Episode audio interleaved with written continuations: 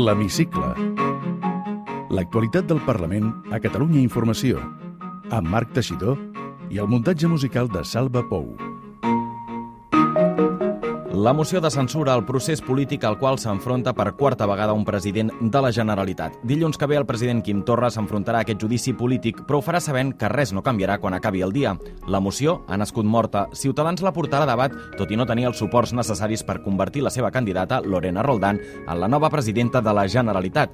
I malgrat la seva voluntat, la de Ciutadans, de sumar suports, al final només han aconseguit que pugin al carro els diputats del Partit Popular.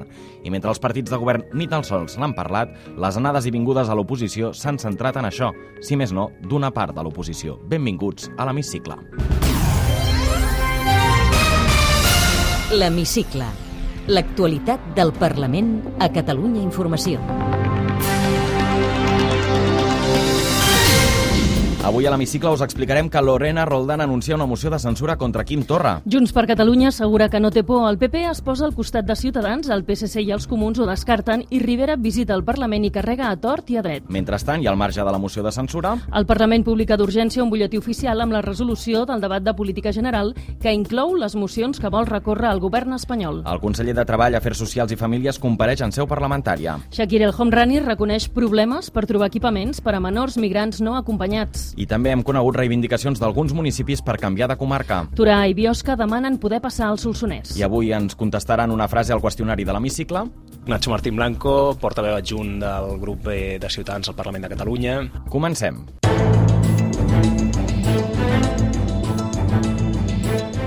Ciutadans ho té clar. Quim Torra no pot continuar al capdavant del govern. El mecanisme que els permet fer fora el president és a través d'una moció de censura. Si fa tres setmanes ho descartaven, quan els hi van proposar des del Partit Popular, ara és urgent i necessari, diuen.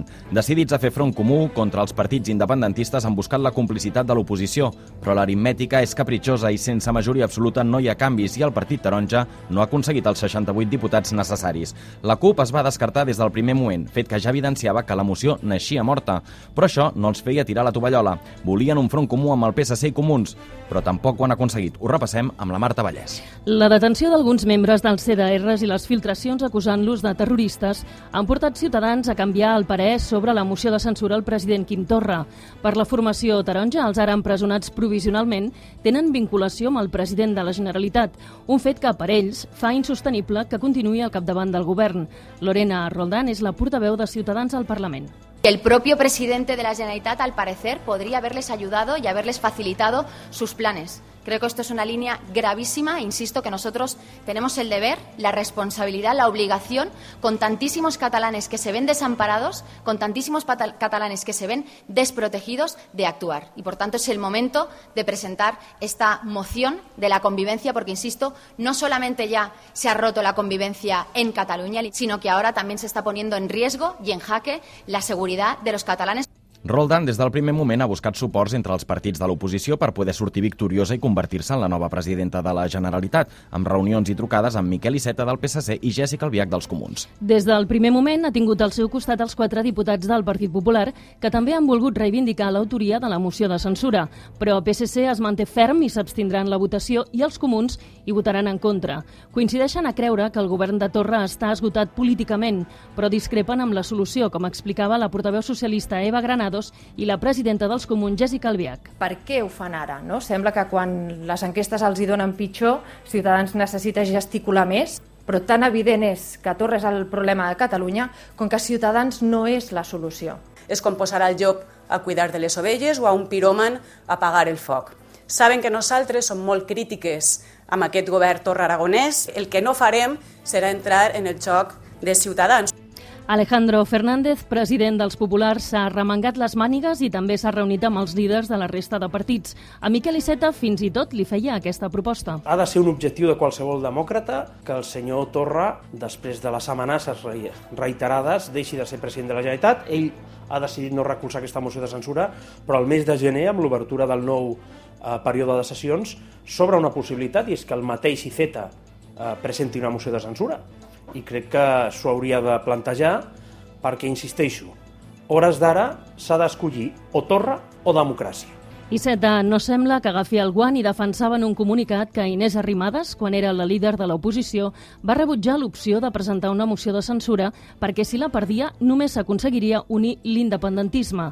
I aquesta vegada no sembla que canvin gaire les coses. Des de l'altre costat, Esquerra i Junts per Catalunya s'han mantingut al marge del debat conscients que no hi ha opcions que prosperi la moció. En un contacte amb la premsa, però, Laura Borràs de Junts defensava que la moció de Ciutadans persegueix un únic objectiu, L'activitat parlamentària no ens fa cap mena de por. El que ens fa por és que els que volen bloquejar l'activitat parlamentària, els que flirtegen amb aquesta amenaça preventiva del 155 que ens tanca els parlaments, que és on hem de fer la feina per la qual eh, som aquí votats per la ciutadania. Desprestigien i miren justament de treballar en la degradació de no només el, el, el nivell de democràcia, sinó la qualitat de les nostres institucions. En resum, dilluns es debatrà la moció de censura en un ple específic on Ciutadans proposarà que Lorena Roldán sigui la nova presidenta de la Generalitat. La candidata tindrà el temps que vulgui per exposar el seu programa de govern i després els grups li contestaran. Al final del dia s'haurà de votar i si res no canvia, quedarà rebutjada la moció amb 78 vots en contra de Junts per Catalunya, Esquerra, Catalunya en Comú Podem i la CUP i les 17 abstencions del PSC i els 40 vots a favor de Ciutadans i Partit Popular. La setmana del segon aniversari de l'1 d'octubre, Albert Rivera ha tornat al Parlament. El president de Ciutadans ho feia per reunir-se amb el grup parlamentari per abordar la situació a Catalunya i per marcar perfil davant la moció de censura. Nunca, ni en el peor momento del País Vasco, se atrevieron a votar y a decir lo que ha dicho Torres estos días. Nunca. Algunos todavía preguntan que por qué que presentar moción de censura. Joder, parece poco? Situació inèdita en democràcia per Albert Rivera que justificava així la moció de censura contra Quim Torra. Rivera no entén que el PSC no els faci costat, ja que creu que la situació a Catalunya requereix un front constitucionalista comú. En aquest sentit, també demana una reunió d'estat amb Pedro Sánchez per abordar la qüestió. Ciutadans assegura que cal recuperar urgentment la convivència i diuen que això, amb Torra presidint la Generalitat, és impossible. Goma 2, no, ya tenemos. Armas de fuego no, ya las han encontrado. Conexiones entre el gobierno y los comandos separatistas, ya las han encontrado, las están investigando. Vamos a ir a la Fiscalía para que investiguen también a Torra y sus conexiones con la violencia. Por tanto, ¿qué más hace falta para que el Partido Socialista deje de equivocarse otra vez? Finalment, Rivera també anuncia una querella contra Quim Torra. Volen que la Fiscalia investigui si el president de la Generalitat té vincles amb els membres dels CDRs detinguts. La querella, finalment, l'ha presentat aquest divendres. Però quantes mocions de censura s'han presentat al Parlament de Catalunya des que es va restaurar l'autogovern i les institucions amb la recuperació de la democràcia? A l'hemicicle fem un exercici històric i ho repassem. Fins i tot escoltarem alguns dels polítics d'aquell moment. La primera la va presentar el 1982 durant la primera legislatura al SUC contra Jordi Pujol. El SUC proposava Josep Benet com a candidat a la presidència i es va veure motivat a presentar la moció de censura reclamant una presidència més institucional. Una moció que no va prosperar, de fet, ha estat la que menys suports ha tingut. Els 21 vots a favor del seu partit, CiU i Esquerra van votar-hi en contra, com dos diputats d'UCD, en total 56 vots negatius. I finalment PSC, UCD, CDS i PSC i també dos parlamentaris parlamentaris andalusistes es van abstenir 53 diputats en total. A la sisena legislatura, Jordi Pujol s'enfronta a la segona moció de censura. En aquest cas, la proposava el PSC i concretament Pasqual Maragall, que optava la presidència de la Generalitat. Ens situem a l'octubre de 2001. Joaquim Nadal del PSC planteja la moció de censura i l'aleshores consellera de Justícia, Núria de Gispert, li respon. Tres motius de pes. Gestió deficient, incompliment d'acords parlamentaris, manteniment d'un acord polític lesiu per l'autogovern. Tres motius defensats per tres forces polítiques que ja al 1999 van recollir més suport ciutadà que els partits que donen suport al govern. Crec que el senyor Maragall i el seu grup no han assimilat encara els resultats del 17 d'octubre de 1999. No han sabut reaccionar davant el resultat de les urnes, d'acord amb les normes que tots havíem acceptats. Vostès van perdre no han acceptat el lloc democràtic. Despertin d'aquell malson. Exposats els motius, arriba el moment de la votació. Senyor Josep Lluís Carol Rovira. M'abstinc. Senyor Alberto Fernández Díaz. No. Senyor Pasqual Maragall i Mirà. Sí. Finalment, només el PSC i Iniciativa voten a favor, Esquerra s'absté i Ciu i el PP hi voten en contra.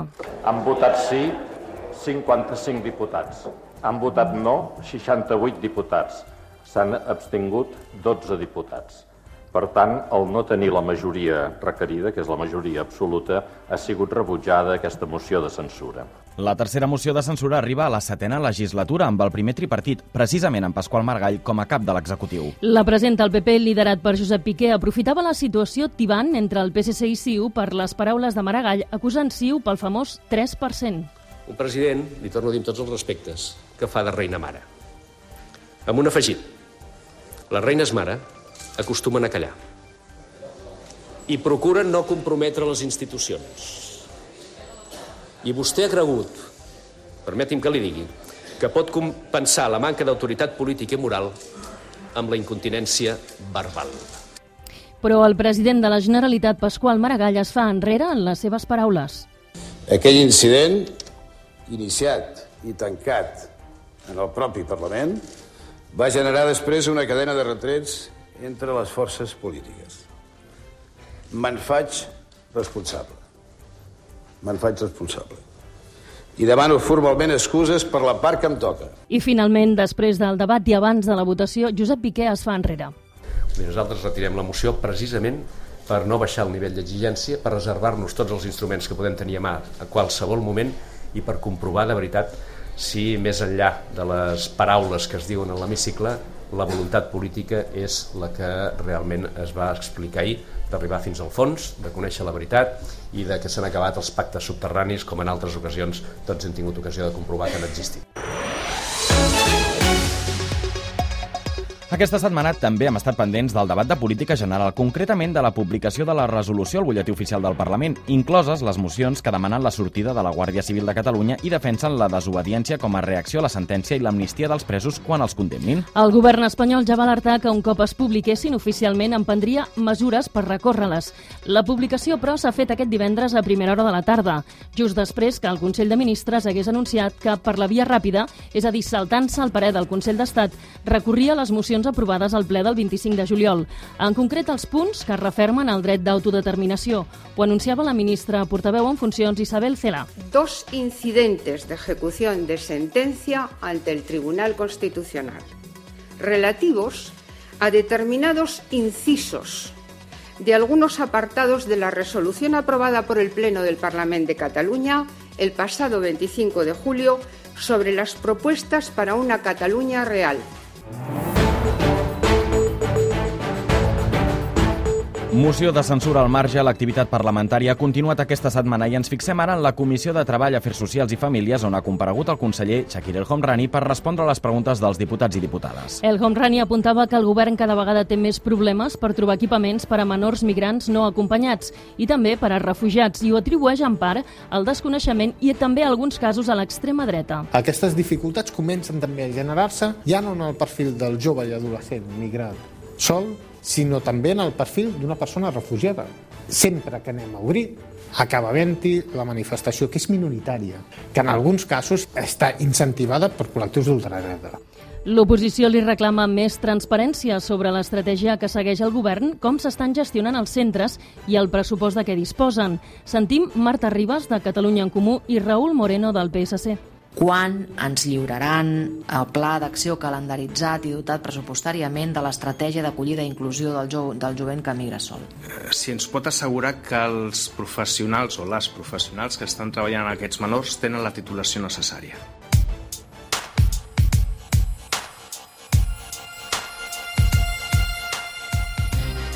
I a la Comissió d'Afers Institucionals, visita dels alcaldes de Torà i Biosca, municipis que actualment formen part de la Sagarra, però reclamen poder canviar de comarca i, per tant, que s'impulsi una eina jurídica que ho permeti. De la comissió en surt el compromís de Junts per Catalunya, Esquerra, Ciutadans, PSC i en Comú Podem d'impulsar una eina legislativa per permetre que els municipis de Biosca i Torà deixin de pertànyer a la comarca de la Sagarra i passin a formar part de la del Solsonès. Aquest és el missatge que ha llançat els alcaldes de les dues poblacions, Josep Puig i Magí Coscollola. Solsonès ho tenim a 15 quilòmetres. Ens sentim molt més a prop del Solsonès que de la Segarra, avui, amb serveis, amb tot. I si no es vol obrir la, la caixa dels trons, que es diu per tothom, almenys que se'ns obri per Biosca i Torà perquè reiteradament des de l'any 2010 de forma reiterada i amb unes majories molt àmplies als, als ajuntaments o per unanimitat és el que estem demanant. Moment ara de l'entrevista de l'hemicicle. Té la paraula soc Nacho Martín Blanco, portaveu adjunt del grup de Ciutadans al Parlament de Catalunya. El ple del Parlament debatrà la setmana que ve una moció de censura al president Torra proposada precisament pel seu grup, una moció que no prosperarà per la falta de suports. Com ho afronten i per què ara?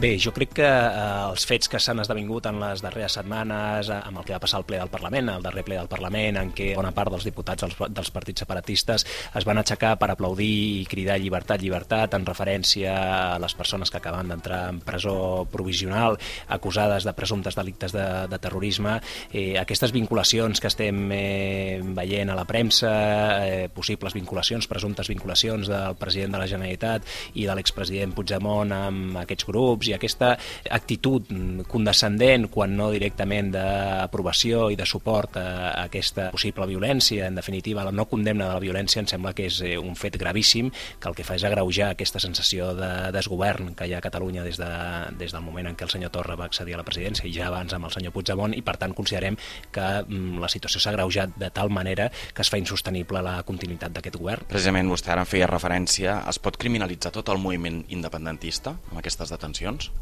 No, en absolut.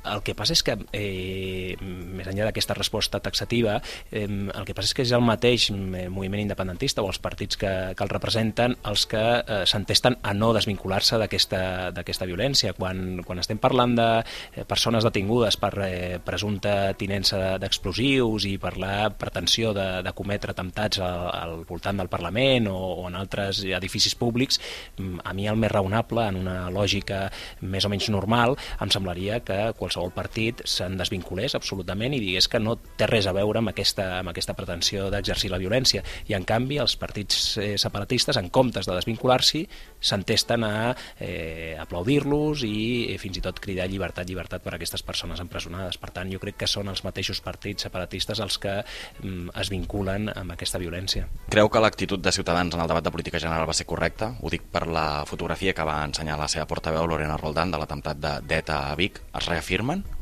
Bé, jo crec que les coses s'han de situar en el context, eh? en el context en el que estem eh, quan tenim un president de la Generalitat que mm, es reuneix amb exterroristes com el senyor Tegui, amb el senyor Carles Sastre, amb el senyor Bantanacs, quan es frivolitza, quan es banalitza el mal, quan es presenta com un actor normal, com un actor mm, legítim en política, gent que ha exercit la violència per imposar les seves, els seus projectes polítics, les seves idees polítiques, jo crec que un està cometent un error enorme. No crec que la immensa majoria dels ciutadans de Catalunya acceptin aquesta normalització dels terroristes i crec que des d'aquest punt de vista és, si més no, atendible aquest avís que se li fa al president de la Generalitat de quines són les conseqüències funestes, devastadores per una societat del, del terrorisme. Més enllà d'això, és que fins i tot després d'aquest de, uh, episodi que vostè comentava, es va produir aquest, aquest altre episodi que jo comentava de l'aplaudiment i dels crits de llibertat, llibertat per les persones empresonades per presumpte terrorisme terrorisme. Per tant, sí, jo crec que,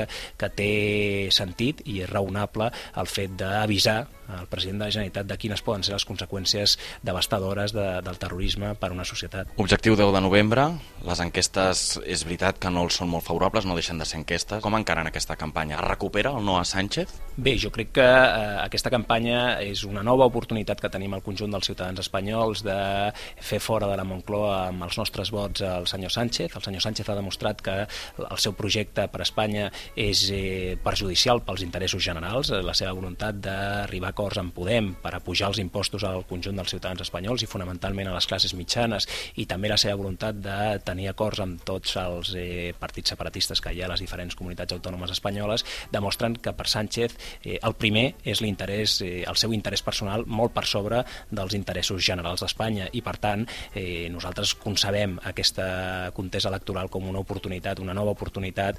d'aconseguir eh, formar un govern eh, compromès amb la Constitució i amb el projecte col·lectiu de tot Espanya. Entrem en el temps de descompte per conèixer la sentència. Vostè creu que anem a un ambient de vertigen o quina mena d'escenari creu que s'obre? Crec que mm, anem efectivament a un escenari volgut pels partits separatistes d'una gran conflictivitat. Jo no crec que, o no tinc clar que això en, en el si de la societat catalana qualli, perquè al final jo crec que hi ha molts ciutadans a Catalunya que estan farts de tanta confrontació amb la resta d'Espanya, d'una situació de tanta tensió, d'una situació que ha generat una fuga d'empreses eh, enorme, i ha generat una inestabilitat política eh, sense precedents a Catalunya i una inseguretat jurídica que el que provoca al final és eh, pèrdua de, de llocs de treball, eh, fuga d'empreses i eh, una crisi de convivència molt considerable. Per tant, eh, espero que la cosa no se'n vagi de mare i que la societat catalana torni a demostrar la maduresa que ha mostrat en altres ocasions i el seu compromís eh, general, en la majoria dels casos, amb l'estat de dret i amb el respecte a la democràcia. Respongui amb una paraula o amb una frase aquestes qüestions. Amb la crisi climàtica cal cal compromís de tots els actors. La pobresa energètica és? Un drama social que cal eh, entomar seriosament. Quina llei li agradaria aprovar? Doncs la de la gestació subrogada altruista. Per què ha decidit dedicar-se a la política? Pel meu compromís cívic, eh, perquè crec que és una oportunitat fantàstica per poder aportar alguna cosa a la nostra societat. Quan la deixi a què es dedicarà? Doncs a, a la meva feina d'abans, que és eh, com, com la teva, eh, ser periodista o analista polític, que la meva formació és tant periodisme com com ciències polítiques. Es veu algun dia com a candidat a la presidència de la Generalitat? No, la veritat és que és, és una cosa que, que no tinc ara mateix en, la me, en les meves ambicions. Fa autocrítica? Sí. Té una vocació frustrada? Sí, com la de la majoria de nanos d'aquest país. Nanos ja no sóc un nano, però m'hauria agradat ser futbolista. Té mútua o va per la salut pública? Tinc mútua. Pis de lloguer o de propietat? Pis de lloguer. Una música que l'identifiqui? Els Beatles. Un paisatge favorit? La Costa Brava. Quin estil literari li és més agraït per llegir? M'agrada molt l'assaig polític el posa content? Estar amb els meus fills i amb la meva dona. Què li fa por? Més que la mort, mmm, patir dolor. Amb quin diputat o diputada d'un altre partit té pendent fer un cafè? Eh, amb diversos, per exemple amb el David Pérez del PSC, eh, però n'hi ha més. Eh? Completi la frase. El que més m'agradaria? En termes polítics, el que més m'agradaria és que eh, la situació a Catalunya millorés i que tinguéssim una convivència com la que recordo que teníem quan, quan era petit i m'agradaria que la cosa doncs, eh, tornés a la concòrdia, a les vies de la concòrdia i la convivència.